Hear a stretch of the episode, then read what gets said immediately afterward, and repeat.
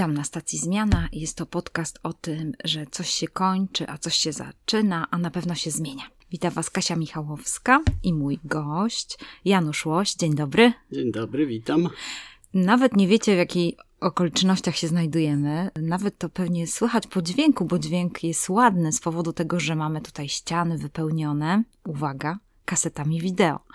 To naprawdę jest niesamowite miejsce, można powiedzieć taka, taki kawałek historii naszej y, polskiej.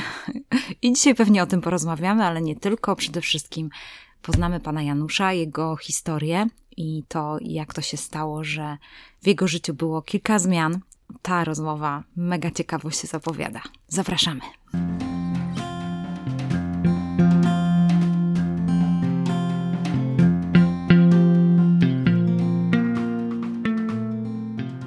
Znajdujemy się właśnie w tym miejscu, tak jak powiedziałam, niesamowitym. Wideoświat, tak się nazywa to miejsce. I tutaj jeszcze mamy takie, takie napisy, że można oddać kasetę wideo do którejś godziny, żeby się nie spóźnić. Czy wtedy ktoś płacił jakąś karę za to, że się spóźnił z kasetą tak, to wideo? było gdzieś 15 lat temu, to płaciło się wtedy 50 groszy bodajże.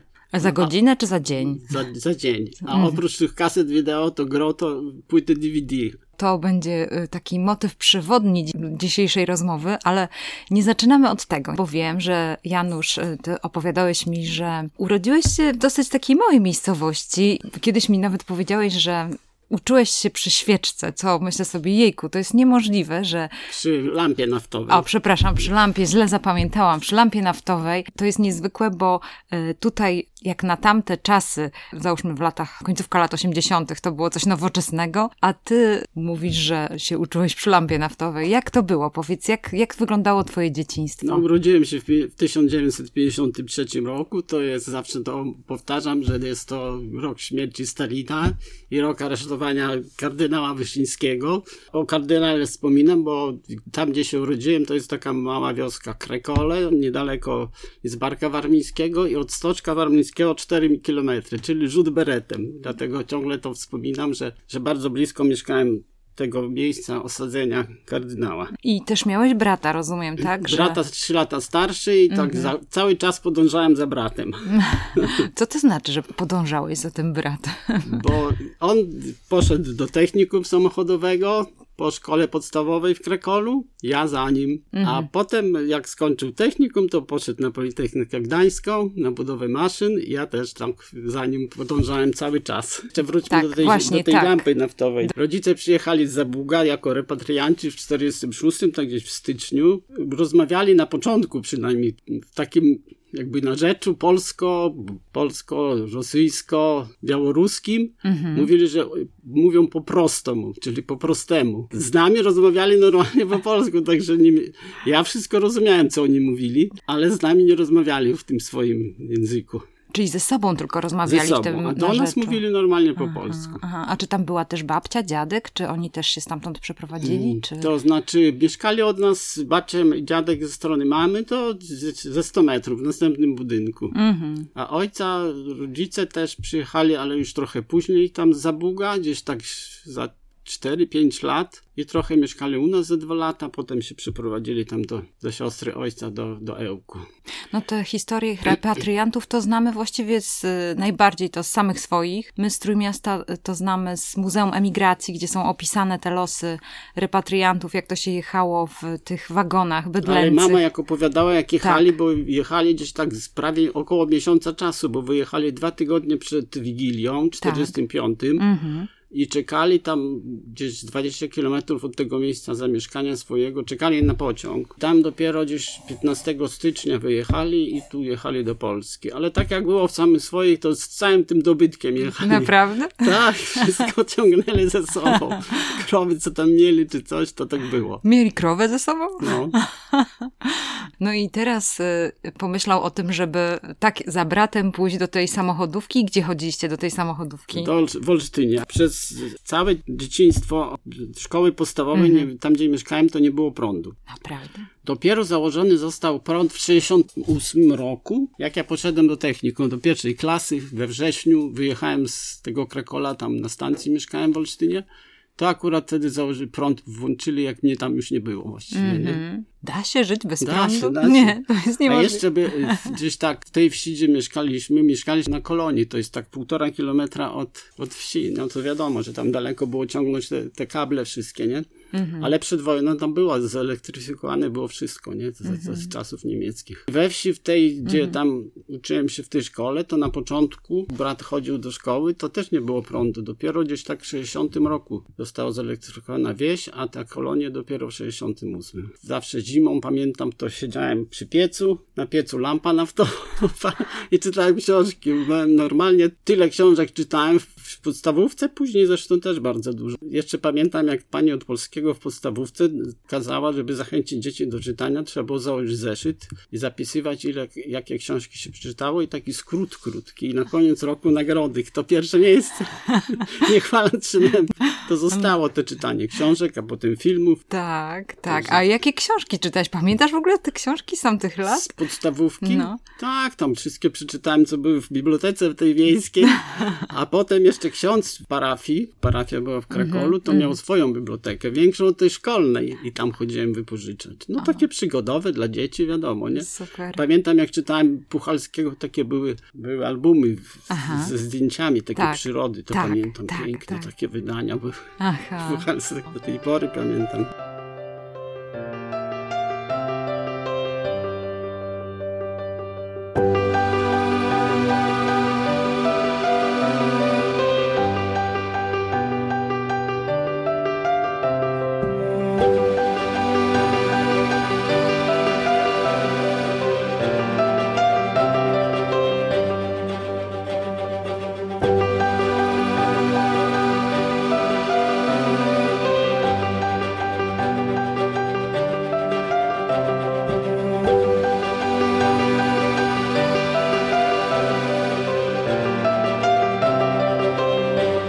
Właściwie można powiedzieć, że teraz pewnie cię by sklasyfikowali jako humanistę, no ale ty jednak zafascynowany bratem. Ja to za bratem bardziej poszedłem niż, niż za...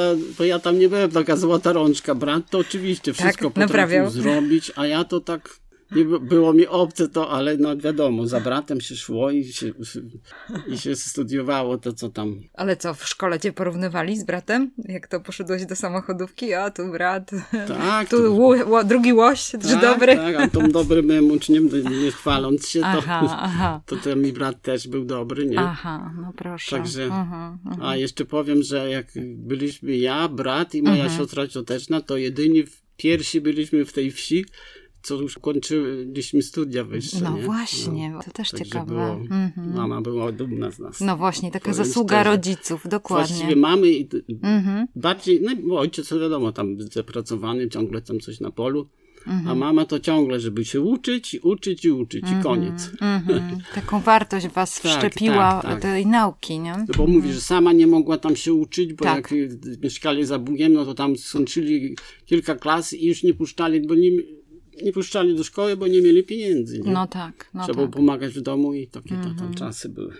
No ale co z tymi studiami? Na Politechnice Gdańskiej co kończyłeś? Ja kończyłem budowę maszyn, maszyny, specjalizacja maszyny urządzenia przymusu spożywczego. Mhm. No i potem po, po studiach, tam 5 lat, magisterium i poszedłem do pracy w Ełku, bo miałem tam rodzinę w Ełku, tam dziadek, babcia, ciotki tam mieszkały i w zakładach mięsnych w biurze konstrukcyjnym pracowałem.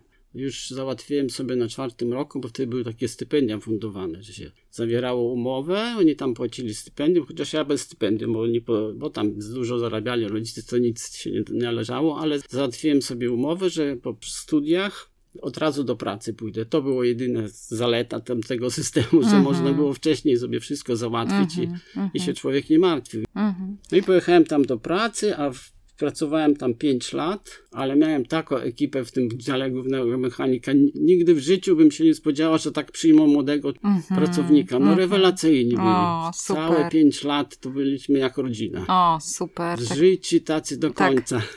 Jak ja odchodziłem do, tutaj do Olsztyna, bo dostałem tutaj mieszkanie, bo wtedy były takie czasy, że się wpłacało na książeczkę mieszkaniową. Mhm. Wpłaca, wpłacili mi na początku szkoły średniej, a dostałem, gdzieś 15, po 15 latach dostałem mieszkanie w, w Olsztynie. W międzyczasie czasie się ożeniłem, poznałem tam żonę Wełku i wróciliśmy do Olsztyna. I tutaj już pracowałem, taka firma, Olsztyńskie Przedsiębiorstwo Gospodarki Maszyny i Budownictwa. Naprawialiśmy koparki, spycharki, Taka duża firma, 500 osób, trzy oddziały, Kętrzyn, Ława i Działdowo. I jak przyszedł ten czas tego wilczego kapitalizmu, 90 rok, nic się nie opłacało, bo się okazało, że trzeba koszty liczyć. Przedtem to tam te koszty, to wiadomo było. Nikt nie zastanawiał się, czy to się opłaca, czy nie opłaca, ma się, ma, mają pracować i koniec. I koniec, tak. I koniec. A teraz się okazało, że no nie ma z czego. Aha. No i dopuścili jeszcze tych pracowników za bardzo do, do głosu. Nie każdy tam się znał dobrze. Orzekli, że sprzedadzą tę firmę dla prywaciarza. No ale to był już tak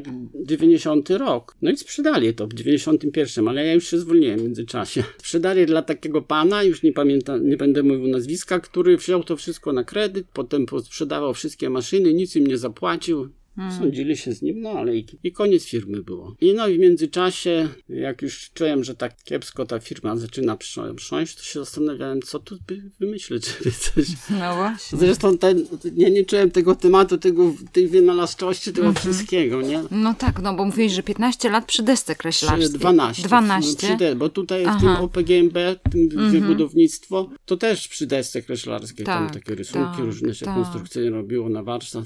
I już czułeś, że Ale to... ja nie czułem tego cały czas, takie, mm -hmm. takie zmusu, że, że to nie to. Okay. A moje te fascynacje filmem, muzyką, A, no i mm -hmm. wtedy woda na młyn dla mnie wymyślili, wymyśl, bo jeszcze pozna, taką koleżankę miałem, która też pracowała w biurze konstrukcyjnym w budownictwie i też jej biuro padło i nie wiedziała też co robić. I ona wymyśliła, że będzie jeździć z tymi kasetami na rynek, bo to były wtedy takie czasy, że jeszcze nie było tych legalnych wypożyczalni, tylko taka wymiana była. Mm -hmm. Jeździli z kasetami mhm. albo stacjonarnie, albo na rynku. Wymieniało się. Ktoś przynosił swój film, brał od ciebie i płacił tam jakąś kwotę.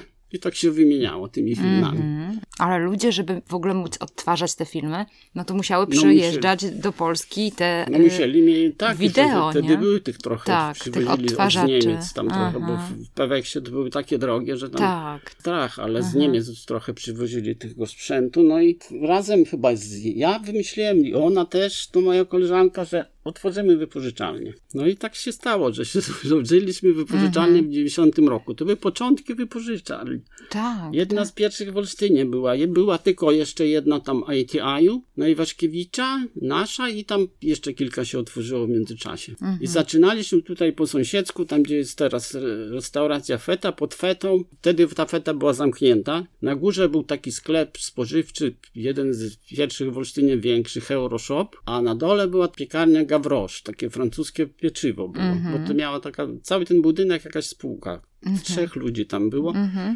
Oni wzięli to, wynajęli. W tej piekarni był jak były schodki na górę do fety wewnątrz budynku. Góra była tam zadaszona i na tym placyku takim jak schodki idą, na tym zakręcie schodków. Nam tam wynajęli to i zaczyna, jeden regalik stał, jedno mm -hmm. krzesło, biurko mm -hmm. i wyżej tam jeszcze taka szafa BHP, tam trzymaliśmy kasety i zaczynaliśmy od tam, nie wiem, 30 kaset czy coś. Mm -hmm. A te kasety to były takie nędza i teraz jak się popatrzy, no ale jak nic nie było w telewizji, to no pożyczali, tak, nie? Dokładnie, nic nie było w telewizji. Nic nie było, a ja pracowałem a. wtedy jeszcze w tej firmie OPGMB i tak, no nie chciałem się zwalniać, no bo nie wiadomo, czy to ruszy. I pół roku od, bo zaczynaliśmy, zaczęliśmy 10 grudnia 90 roku, to wypożyczalnie i do 1 maja pracowałem na dwa etaty. Po pracy przychodziłem do tej wypożyczalni, zmieniałem swoją koleżankę i tak ciągnąłem pół roku, ale już miałem dosyć. A w międzyczasie ta firma już tam się ku upadkowi, tak. facet już miał kupić, w czerwcu kupił. Aha. Ja od 1 maja się zwolniłem. Czułem, że już nas ZUS będzie mnie stać i, mm -hmm. i wtedy zaczęliśmy działać tam z, mhm. z tym wypożyczaniem. Ja byłem odpowiedzialny za zakupy tych filmów, mhm. a koleżanka tam te wszystkie rozliczenia mhm. ekonomiczne z urzędami, te, te walki, te podchody. Janusz, ja chciałam cię jeszcze zapytać, bo ty należysz do takiego pokolenia, właściwie to się nazywa pokolenie tych budowniczych y, naszej Polski, mm. bo ze względu na to, że no żeby zdecydować się, że prowadzić własną działalność w 90 roku, no płacić podatki, na pewno to wszystko było nie tak jak teraz, może prosto się zakłada działalność gospodarczą, tak mi mówią Ukraińcy, bo wiesz, my narzekamy, tak. a Ukraińcy mówią, u was to prosta, bo u, u, nas to strasznie skomplikowane, tak oni mówią. No ale na pewno to było, nie było tak łatwo stać się przedsiębiorcą. Jak to było w tym 90 roku założyć własną działalność? Czy to było trudne, czy... No to na pewno nie tak jak teraz, tylko to trzeba było chyba w czterech urzędach, w każdym chodzić, oddzielnie chodzić, tak. do Urzędu Skarbowego oddzielnie, do ZUS-u oddzielnie, do REGON oddzielnie. to wszystko załatwiała moja koleżanka. No, Aha. To, to trzeba, no, widzisz, to ja razem to jest... z nią chodziłem. Nie? No to fajne, że miałeś współpracowniczkę no, taką. Tak, a ja byłem no. zakręcony na punkcie tych filmów. A, okay. I to jeszcze jak, od, pamiętam pierwsze zetknięcie się z moje z filmem, to gdzieś miałem 5-6 lat. Tak. To było w tej szkole podstawowej, nie było tam prądu i raz na jakiś miesiąc bodajże przyjeżdżało takie kino obwoźne, w taki, taki pamiętam duży samochód amerykański z, z agregatem w środku, bo jeszcze brata się podpytałem wczoraj, bo on więcej pamięta i on mnie zabrał do szkoły, jeszcze ja do szkoły nie chodziłem, bo 5-6 lat, zabrał mnie do szkoły na ten film i pamiętam do dzisiaj tę sytuację, jak ten przyjeżdżał taki potężny samochód i jeszcze przed przyjazdem to dzieci na opłotkach wsi stały i czekały. Jak już jechało kino, to leciało taka chmara i krzyczeli, kino jedzie, kino jedzie, kino jedzie. Normalnie szok, nie? A, tak. Także tak. od lampy naftowej do komputeryzacji. To jest i taki krótki okres czasu w sumie, nie? Tak, to prawda. Ale to taki postęp, że aż się mm -hmm. nie chce mhm. wierzyć. No właśnie, nie? Od no. 60 lat i do tak. tych 60, czyli minęło 30 lat do czasu, kiedy te wideo tak się rozprzestrzeniło. Tak, tak. No już nie mówiąc, co teraz się dzieje, prawda? Że możemy no. mieć te wideo tylko w tym małym telefoniku, tak. naszym małym ekraniku, zakładając słuchawki, jadąc na przykład pociągiem no. i sobie oglądając jakiś streaming. No a potem już wchodziłem jak do podstawówki, też w tej, tak. tej samej wsi, to było też przyjeżdżał obwoźne kino, ale wozem takim normalnie konnym, jak z jakiejś epoki, kurczę, przedhistorycznej, jak w sąsiedniej wsi, bo w, tam w sąsiedniej wsi było takie kino stacjonarne, jak na tamte czasy, to niesamowite, Aha, że w takiej wsi tak. małe kino stacjonarne. Tak, to Teraz prawda. to nie do pomyślenia. Ale co tam były za filmy? Jakie filmy oni puszczali? Skąd mieli te filmy? Mieli takie Aha. tam z rozpowszechniania, tam rosyjskie najwięcej, to tych z krajów KDL-u, demokracji ludowej. Tak. I przyjeżdżał tym koniem i szliśmy z bratem półtora, bo miałem do szkoły półtora kilometra polną drogą. Przyszliśmy z bratem i nie wiedzieliśmy ani w jaki film, mają od ilu lat i przyjeżdżał i mówił, no niestety dzisiaj od 16 lat, no i nosy na kwinty do domu. Albo przyjeżdża i mówi, wszyscy kto ma forsa. On taki no, za Boga przyjazny. Tam większość takich była, nie? Tak. Kto ma forsa, no to zadowoleni do klasy wchodziliśmy, bo to w szkole, nie? Aha. I wyświetlali filmy. No ale powiedz, to były filmy takie biało-czarne, czy były już biało-czarne? Pierwszy pamiętam film, który widziałem kolorowy, to były krzyżacy i właśnie do kina obok, tam we wsi zabrał nas ojciec, mnie i brata i pamiętam do dzisiaj, jak siedzimy w tej sali i tych krzyżaków oglądamy w kolorze, pierwszy film. Tak. Potem po, po tych Krzyżakach to oczywiście bitwa pod Grunwaldem, miecze, miecze, tarcze z drewna i walki. Tak. Brat tam konstruował, mhm. robił i mhm. walczyliśmy na miecze. Na mhm. no i też piękne kino, bo te ujęcia to do tej pory się tak, pamięta, tak. to jest niesamowite. Niezapomniane do tak, dzisiaj. I tak. pierwszy film w życiu, który widziałem, kolorowy, nie? Przeżycie, naprawdę, no. na dużym ekranie. No a potem jak już ja podążam tą ścieżką ki kina, bo dążę, do, dlaczego tak mhm. Słyszałem, że założyliśmy wypożyczalnię, to dla mnie było to założenie wypożyczalni jak z, z, złapanie Pana Boga za nogi. Bo wreszcie robiłem to, co, to, co, co chciałem i tak. co mnie tak. fascynowało. Tak to Aha. byłem taki zadowolony. Tak, no, szczęśliwy po tak, prostu. ojej, tyle lat, póki to cię dobrze kręciło zresztą. Coś niesamowitego. A jak przyjechałem tutaj do, do technikum, mieszkałem 5 lat, to też chodziłem do kina. Kino dworcowe było takie przy dworcu, tam mm -hmm. po 3 złote bilety. Pamiętam do dzisiaj, że były seanse cały dzień i na przykład się poszło na 11, to wpadała taka trójka klasowa i legitymację sprawdzali, czy nie na wagarach. No. Kino Polonia. Kino Polonia, tak. Piękne kina no, były. A w Gdańsku? kina? W Gdańsku- Chodziłeś, tak, czy uczyłeś się? W Gdańsku to od, od 73 do 78 roku tam studiowałem. Mieszkałem na, na Hibnera, teraz do Studzienki taka ulica. Tak, tak. w DS numer 4 na górce tam po prawej stronie. I najwięcej to chodziłem do kina Bajka, tam takie obok kościoła zaraz Tak, niedaleko. tak. Już nie ma tego kina, ma, ale no. też chodziłam do tego kina Tak? kiedyś, tak. To było blisko, to tam i do kina Znicz, takie wojskowe Tak, i wojskowe, chodziłem. dokładnie. No i do, do kina, do Leningradu na długo, nie? No to tam Mhm. już później, bo to piękne kino było. Mhm. Takie modernistyczne bardzo. Tak. Piękne. Też już nie ma tego kina, już umarły kina. Tak, Mhm. tak. Obok Leningradu takie było studyjne kino, tam malutkie razem, tak, tak wchodziło się z prawej Mhm. gór, na, na piętro.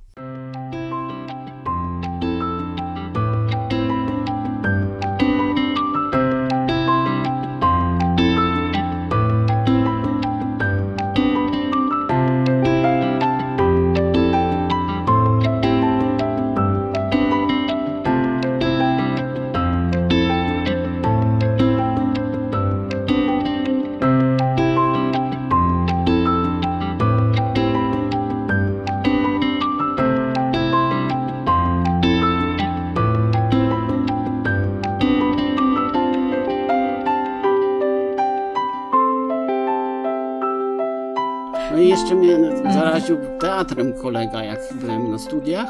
Taki kolega Mariusz, bardzo bliski mój kolega. Mhm. I tam mnie tam kiedyś zaprosił do teatru. I załapałem ten bakcel teatru, że przez całe studia chodziłem tam bardzo często do teatru w tym w Gdańsku. Do, Wybrzeża. Teatru Wybrzeże. Tak. Mhm. No. No a tutaj w, w Olsztynie to też mi to zostało z tym teatrem. Tak? Też bardzo często chodzę. Mm, dobry teatr, tu jest Tak, dobry tak. teatr. To no, bardzo mnie ciekawi, wiesz, Janusz, te twoje fascynacje filmowe, jeszcze tutaj się przyczepię tego tematu, bo chodzi mi o to, czy, czy masz jakiś, nie wiem, ulubiony styl albo ulubiony obszar filmów, czy to jest takie, wiesz, ja to bardziej ogólnie... takie lubię, Mhm. takie kino ambitne. Ja Tak. nawet sobie wypisałem jakichś reżyserów. O, Bo Mhm. jak jeszcze tu chodziłem do szkoły, to chodziłem do DKF-u. Taki był DKF. y, Na Knosały jest taki, taki pałacyk na środku Mhm. taki. Tam było Towarzystwo Przyjaciół Polsko-Radzie, TPPR, Towarzystwo Kino TPPR, Towarzystwo Przyjaciół Polsko-Radzieckich chyba. mhm.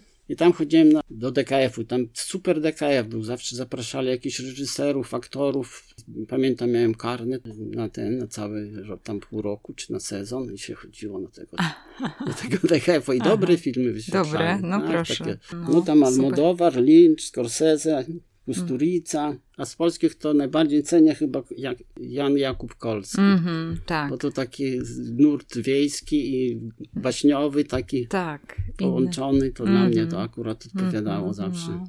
no dobra, słuchaj, no to wskakujemy w te lata 90. i tego rozwoju i takiego szaleństwa, że ludzie mogą w końcu nie chodzić do kina, tylko zrobić sobie kino w domu. Powstają również e, w tamtych czasach, powstały również takie małe, no nie wiem, projekcje filmowe, Tak, prawda? Że takie ktoś, kluby. Takie kluby, tak, że ktoś miał jakąś kasetę, nie? I wtedy puszczał w takich małych, jak tylko, no nie wiem, grupce, tak? Jakiś taki... Bo były jeszcze takie w klubach, były takie, bo powstawały takie kluby, że wyświetlali takie jakby kina, wyświetlali. Sam chodziłem na początku, jeszcze jak ja nie miałem wypożyczalni, to przez, przez tym boomem wypożyczalni to były takie, klubach wyświetlali takie projekcje z kaset wideo. Mhm. Kopie te były straszne, no ale po dwa, pamiętam, po dwa filmy wyświetlali. Ludzi było do groma, bo to były takie filmy, no, znane, a których nigdzie nie można było obejrzeć, nie? Czyli końcówka lat y, y, Czy- 80., tak, czyli ten taki końcówka. już 87, No tak, 88 już zaczęto Bo w wtedy. 90 to właśnie zaczęły się wtedy te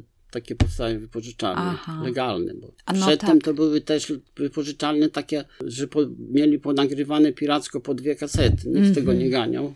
Nie było regulowane prawnie, ale potem zaczęli to ścigać i trzeba było mieć tam licencję na wypożyczalnię. Mhm. No a jak się uregulowało w ogóle takie prawo autorskie? No bo faktycznie jak my byliśmy w czasie komunizmu, no to nie obowiązywały nas takie prawa, że musimy, na przykład, że nie możemy przegrać kasety albo jakiejś tam płyty i komuś dać, prawda?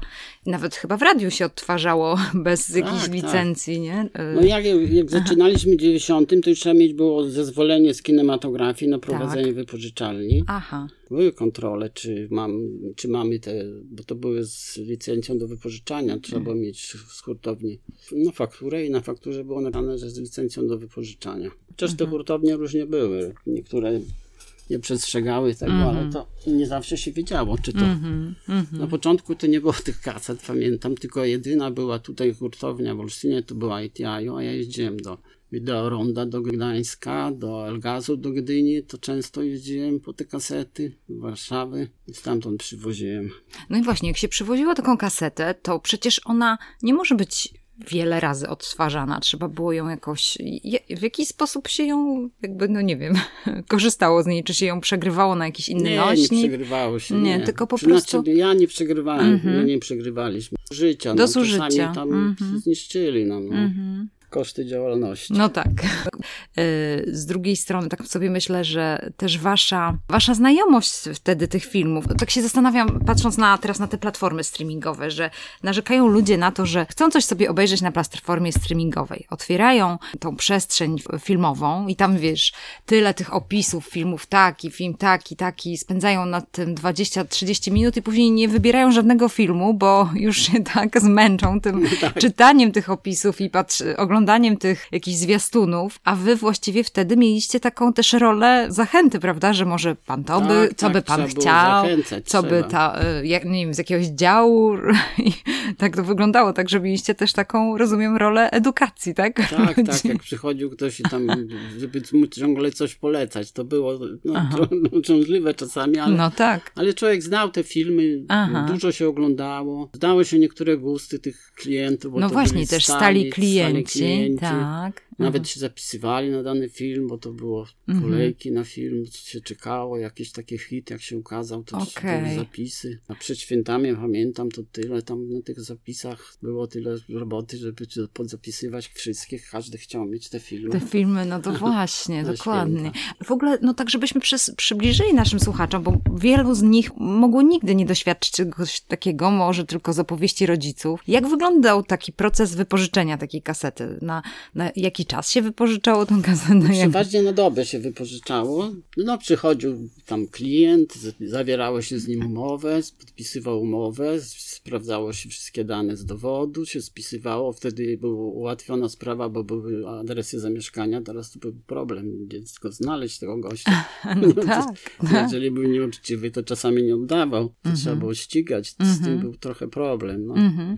Kaucji nie braliśmy takiej jako takiej, tylko on wpisywało się dane i pożyczało się tam, na, przeważnie na dobę, no tam 3 zł, 4 zł, 5 pamiętam na początku. I w jedną dobę on musiał obejrzeć ten film Tak, i po prostu go na oddać, drugi dzień tak? przynieść. Aha, na drugi dzień przynieść. To ciekawe bardzo. Musiał się wyrobić. No to słuchaj, no prowadziłeś działalność, ale właściwie musiałeś też no, poszukiwać tych filmów. Ja, ja sobie tego w ogóle nie mogę wyobrazić, Janusz. To co ty wtedy? Spędzałeś czas w domu, zajeżdżałeś te swoje wideo i oglądałeś różne filmy? Nie, to czy... tam z literatury z się literatury, czytało, tak. były takie katalogi, co ma się, Aha. a później już trochę, nie? Tam Aha. były takie katalogi, co się ma ukazać, Aha. się czytało tam, które się tam decydowało kupować. Tak, No i tak. tam na pamięć znam już te filmy, jakie mają wejść. Okej, okej. Czyli nie było nie było pewnie też bardzo dużo. Nie było tego. Tak, tak że można było tak, ogarnąć głową, prawda? Tak, tak. Ale słuchaj, nie jestem w stanie nie zadać ci takiego jednego pytania, które tutaj, jak robiłam zdjęcia e, tego miejsca i też tutaj kilka osób nawet się wybrało do ciebie, żeby zo- zobaczyć to miejsce, tak, ze względu na, na polecenie w sieci. To było ciekawe, bo ludzie pytali mnie o to, mówią, no nie, tu jest taki dział erotyka. Ja mówię, no nie wiem. I się zastanawialiśmy w sieci, jak to było kiedyś, no bo wiesz, teraz to jest takie zakryte. I tak było, rozumiem, że...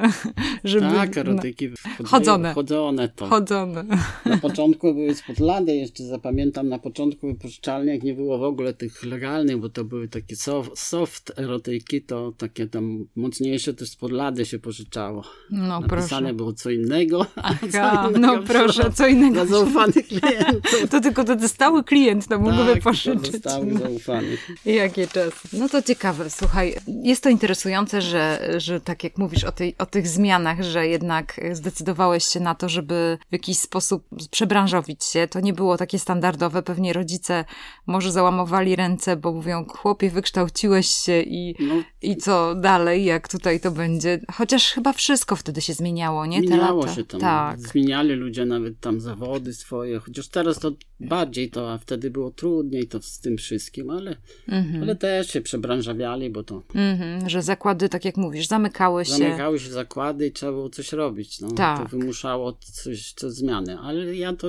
nie dlatego zmieniłem, że tam zakład między innymi, ale Mhm, to mi ułatwiło podjęcie decyzji. tak, żeby pójść za tą pasją, Tak, prawda? za, za tym, co Mhm. tam lubiłem No właśnie. Ja przez to, tyle lat. no właśnie, i to widzisz, Janusz, ja tak sobie myślę, że przez to też tak jest, że ja mam takie wrażenie, że ty też rozumiesz wtedy takie osoby, które idą za tą pasją i nie wiem, czy tu mogę y, wspomnieć o twojej córce, która również jest artystką i to też tak widzisz, y, to chyba jakoś ta artystyczna dusza po tobie, bo jeżeli ty tą tak, muzyką i ten element artystyczny, prawda, to widać, że, że to jest coś, co... Nie? Chociaż że... po, mo- po mnie i po mojej żonie, tylko że moja żona nie podążyła za tym swoim, A, no tym, bo była w w technikum odzieżowym i Tak. chciała iść na włókiennictwo do, do Łodzi, no Tak. ale nie, nie było pieniędzy i tam Mhm. po, poszła bliżej, bo na Zełku jest, byłem w Białymstoku na chemię, tam nauczycielską, no i została Mhm. nauczycielką. O, no tak, ale realizuje jakoś swoje pasje artystyczne? Czy Nie. coś robi, nie maluje obrazów, nie robi na drutach? takie piękne rysowała, bo O. chyba po córce ten rysunek,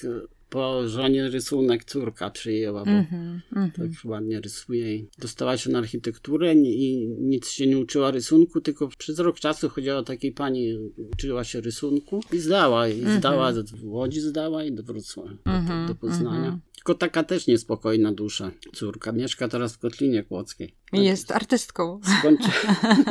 No między innymi. Aha. Skończyła inżyniera, zrobiła architekta, Tak. potem powiedziała, nie to i nie to, to Mhm. nie to. Ona ciągle na SP chciała od początku, Mhm, jakoś tak mhm. nie mogła się zdecydować. No i poszła na SP do Warszawy. Nadzornictwo przemysłowe to jeszcze dobrze, że nadzornictwo, nie na jakieś tam Mhm, malarskie. Ach, ach. Dla mnie, nie? No tak, tak, no widzisz. No, Bo więcej może tro- trochę dorobić, zarobić niż... No tak. Niż... No i mieszka teraz, niedawno we wrześniu wyszła za mąż za, za chłopaka po ASP, po Mhm. rzeźbie. Ale jest taki pojętny gość, buduje tam różne rzeczy, takie, ma smykałkę.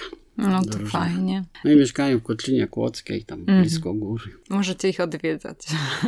No, fajnie mieć miejscówkę gdzieś w No górę. tak. Jakby zamykając ten wątek, myśląc o tym, w tym miejscu, gdzie się urodziłeś i tak jak powiedziałeś, że, że byliście pierwszymi, którzy się wykształcili, jeżeli chodzi o tę mieś, mieścinę, tak mogę powiedzieć, to co ty przekazałeś swo- swojej córce, co ty przekazałeś właśnie w, w swojej rodzinie, jeżeli chodzi o te wartości? Bo mama wam przekazała tę ucz się, ucz się, i chyba to samo dla Tak. córek, bo jedna i druga skończyły studia. Czyli to też była Starsza waszą wartością. w Mhm. Gdańsku Mhm. biotechnologię. mhm. trudny wydział, Taki trudny. pracuje w zawodzie. Mhm. Pracowała, jak była w Gdańsku, to pracowała w Polfarmie dość długo, a teraz to już w Olsztynie, ale też w zawodzie pracuje tam swoim.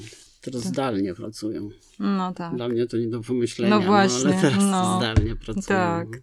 I to często teraz zdalnie, nie? Takie czasy inne. No dobrze, a jeżeli chodzi o ten biznes i wideoświat, jak to umarło, że tak powiem? A ja powiem, że jak No. to było, od 90 roku gdzieś do 2004 to tak wzrastało, wzrastało. Był taki okres, że mieliśmy trzech pracowników Tak. na pół etatu. Mhm. Trzech nam pomagało, bo był ruch duży. Mhm. Ale potem tak, gdzieś pod koniec, no tak 90, może 6, 7, to już weszły te duże firmy, Beverly Hills weszło, no to nam nie tak daleko stąd. To nam zabrało dużo klientów. I potem już tam zaczął tam taki okres schyłkowy.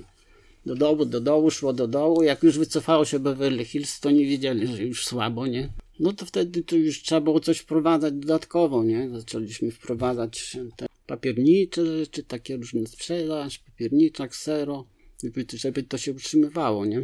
I tak w 2008 to się rozdzieliłem z koleżanką, bo to już, bo mieliśmy w międzyczasie jeszcze taki drugi papierniczy na Jarotach. I ona wzięła ten papierniczy, a ja wziąłem tutaj ten papierniczy razem z wypożyczalnią. Mhm. Jakoś tam ciągnę. Mhm. No tak. Teraz tak. już na emeryturze od czterech lat to mówię, że się nie przejmuję. No to prawda. Dorobię zawsze sobie i tam. Tak, tak, to Także prawda. 33 rok leci. Kiedyś to na początku działalności, to 10 grudnia, jak na rocznicę otwarcia wypożyczalni, to zawsze robiliśmy taki bankiet dla pracowników.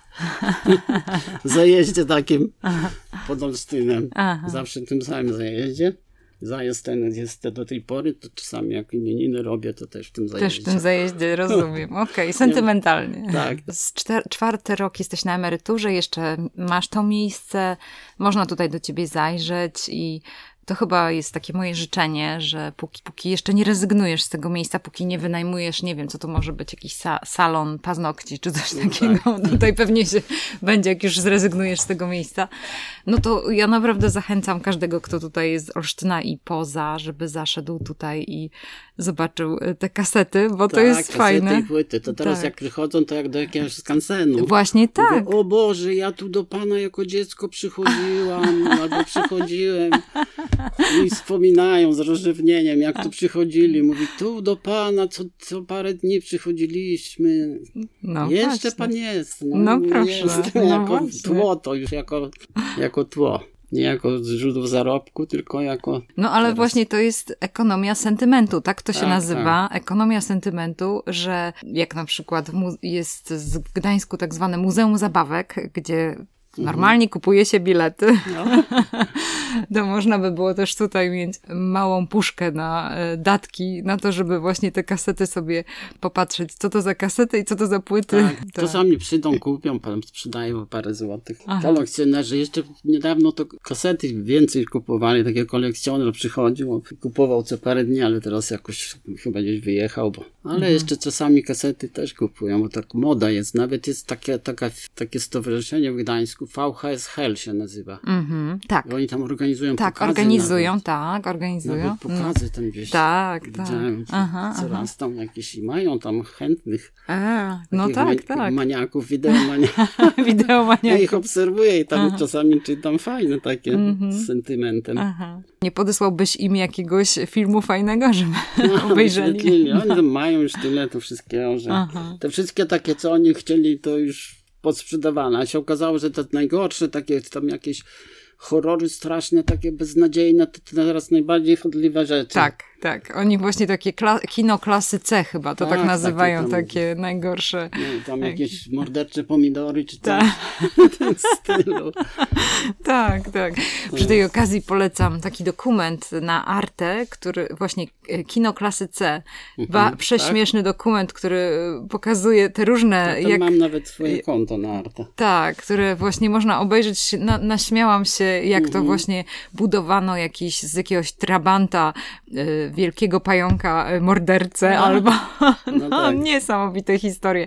I, I wiadomo, że się chciano y, zarabiać na tym ki y, klasy B, C, klasy C, tak, no najgorsze. No Janusz, ja, ja liczę na to, że jeszcze tutaj kilka lat pobędziesz. No ja też że, tak myślę. No, że Ja to tak lubię normalnie Tak. i lubię te filmy i sprzedawać lubię, bo pamiętam jak jeszcze w dzieciństwie to się bawiliśmy w sklep, owoce tam były różne tak, tak. do dzisiaj. Także to jedno i drugie, nie? Aha, lubisz ten kontakt z klientem, Tak, że ktoś tak. przyjdzie, No, odwiedzi cię tutaj. Oczywiście. No. Stali klienci, że to znam na pamięć, Mhm. z kim no, wdawać się w dyskusję, a w kim lepiej przemilczeć. No to różnie bywa. No tak, Nie, to są prawda. tacy, co tylko jak wchodzą, to żeby tylko nie odzywać się, bo nie daj Boże, coś tam nie tak. No ale to różnie bywają, nie? Gdzie jak byłem w dzieciństwie, to ciągle mówiłem, jak się ktoś pytał, kim chcesz zostać, kim chcesz zostać, to ja mówiłem księdzem, a brat lotnikiem. I ani księdzem, ani lotnikiem nie zostaliśmy, co prawda, ale jak po studiach, to skończyłem Instytut Kultury Chrześcijańskiej, tu przy seminarium duchownym. Mhm.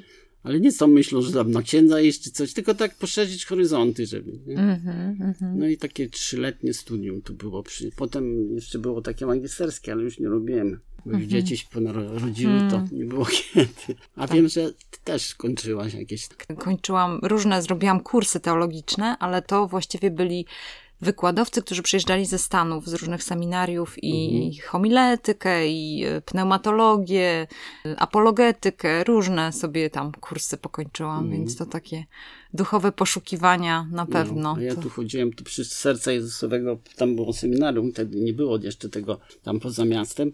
No, ciekawe było dla mnie przynajmniej. Mhm. Ale rozumiem, że to też sprawiło, że jakoś w kierunku wiary poszedłeś, tak? Znaczy nie, żeby tam jak, jakiś Nie, fanatyk, no. tylko... nie, oczywiście, to właśnie mówię o tym, że to fanatyzm to nie jest pójście Nie, w kierunku nie. wiary, No tak, tylko fanatyzmu. no tak, tak. No dobra, słuchajcie, kończymy naszą rozmowę. Bardzo Ci dziękuję, Janusz, za te Dziękuję opowieści i zabranie nas w taką podróż historyczną, No słuchaj, tak, tak. naprawdę Ostatnio- sentymentalną. A ja jeszcze powiem o tym Tak. miejscu urodzenia, bo gdzieś w święta młodsza córka z mężem wyciągnęła mnie właśnie na te stare śmieci, gdzie tam mieszkaliśmy, żeby pojechać, zobaczyć jak to teraz wygląda, nie? Ja tam nie lubię jeździć, bo tam obraz nędzy i rozpaczy. No, a nasz ten dom, gdzie mieszkaliśmy, to tam mieszkają normalnie, nie? Tam remontują coś troszeczkę, nie? Ale obok tam takie piękne budynki były, piękne, to ruina, normalnie nic nie ma. Taki majątek był przedwojenny. Piękne budynki, teraz wszystko w ruinie. Także. Ale tam są groby Twoich dziadków. Tam w Krekolu, tak. ze, strony, ze strony mamy tam. No tak, no tak, to dzieje się. Świat się zmienia, miejsca się zmieniają i no nic na to nie poradzimy, No, nie zatrzymamy tego. No, Tak nie, jest. nie Ale jest... jestem zadowolony z tego, co osiągnąłem. Z tego, że, że tu pracowałem i w ogóle te lata Mhm. nie, nie były stracone dla mnie przynajmniej, bo jakbym siedział przy tej desce klaślarskiej, to teraz to No nie wyobrażam no sobie właśnie. ciągnięcie tego to Przez tak, tyle lat, nie? no, Mhm. siłę. No, Niektórzy to pasjonują się w tym, ale mnie to nie pasjonowało chyba. No nie mam takiej zdolności. Janusz, no to, to jesteś takim przykładem po prostu osoby, żeby zmienić zawód, jak że Tak, to nie tak, pasuje jak do nie ciebie. pasuje, to tak. nie ma co ciągnąć, bo to Tak. tylko przeciw sobie działa się i Tak. chodzi się do pracy, bo się musi. To jest coś strasznego. Mhm. Można się rozchorować od tego, tak, moim tak. zdaniem. Ale no. jak się chodzi z- tak, że się czeka, że, że idzie się do pracy, to jest coś Mhm. wspaniałego. Ale słuchaj, Janusz, chyba ci zadam jeszcze ostatnie pytanie na koniec. Powiedz mi, czy korzystasz z e, platform streamingowych? Czy korzystasz, oglądasz jakieś filmy takie, wiesz, na platformach? Oglądam. Tak. Polskie dużo, bo ja bardzo lubię polskie filmy. Mhm. Ostatnio oglądałem Sonatę, piękny film. Polecam. O, proszę. Ja nawet nie wiedziałem od czego to sonata. To sonata księżycowa Beethovena. Mhm. Mówię, od czego ten tytuł sonata? Jeżeli się dowiem. Aha. Kiedyś to miałem płytę czarną. Do tej pory mam zresztą z sonatami Beethovena i często słuchałem. Tak mówię, o kurczę, to to. No proszę. I jeszcze Johnego ostatnio obejrzałem od, o Tak. tym księdzu. Mhm, Kaczkowskim. poruszający. To te Fajnie. dwa, co polecam polskie. A, A tak to polskie to gdzieś z 80% wszystkich obejrzałem, co wszystkich w ogóle, co wydane do tej pory. Mam taką książkę i zaznaczałem sobie, które obejrzałem. Kiedyś to dużo było w telewizji. mhm. Teraz to już nie ma tych starych, ale to było dużo w starym kinie, tam przedwojennych było dużo. Nie myślałaś o tym, żeby opisywać to, żeby blogować? No zobacz, teraz można tyle napisać. Nie, nie, nie, jakoś. Albo podcastować o tych filmach, to by było ciekawe. No dziękuję Janusz bardzo za rozmowę. Dziękuję, Ja że mogłam dziękuję. tutaj e, z tobą pobyć i posłuchać tych sentymentalnych historii. Dzięki bardzo. Dziękuję bardzo.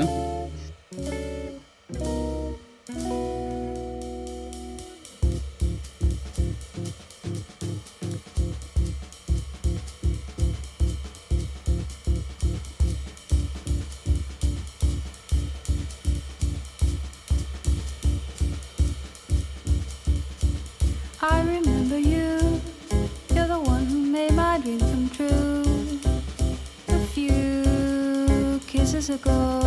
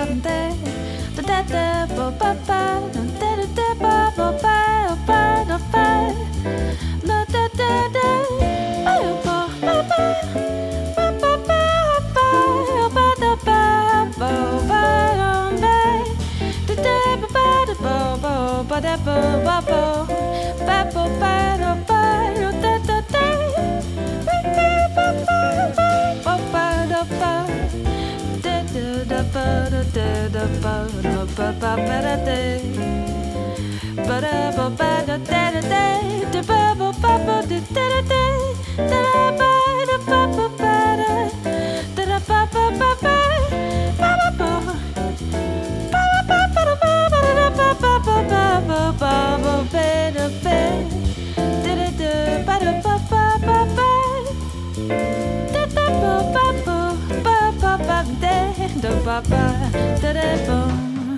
E,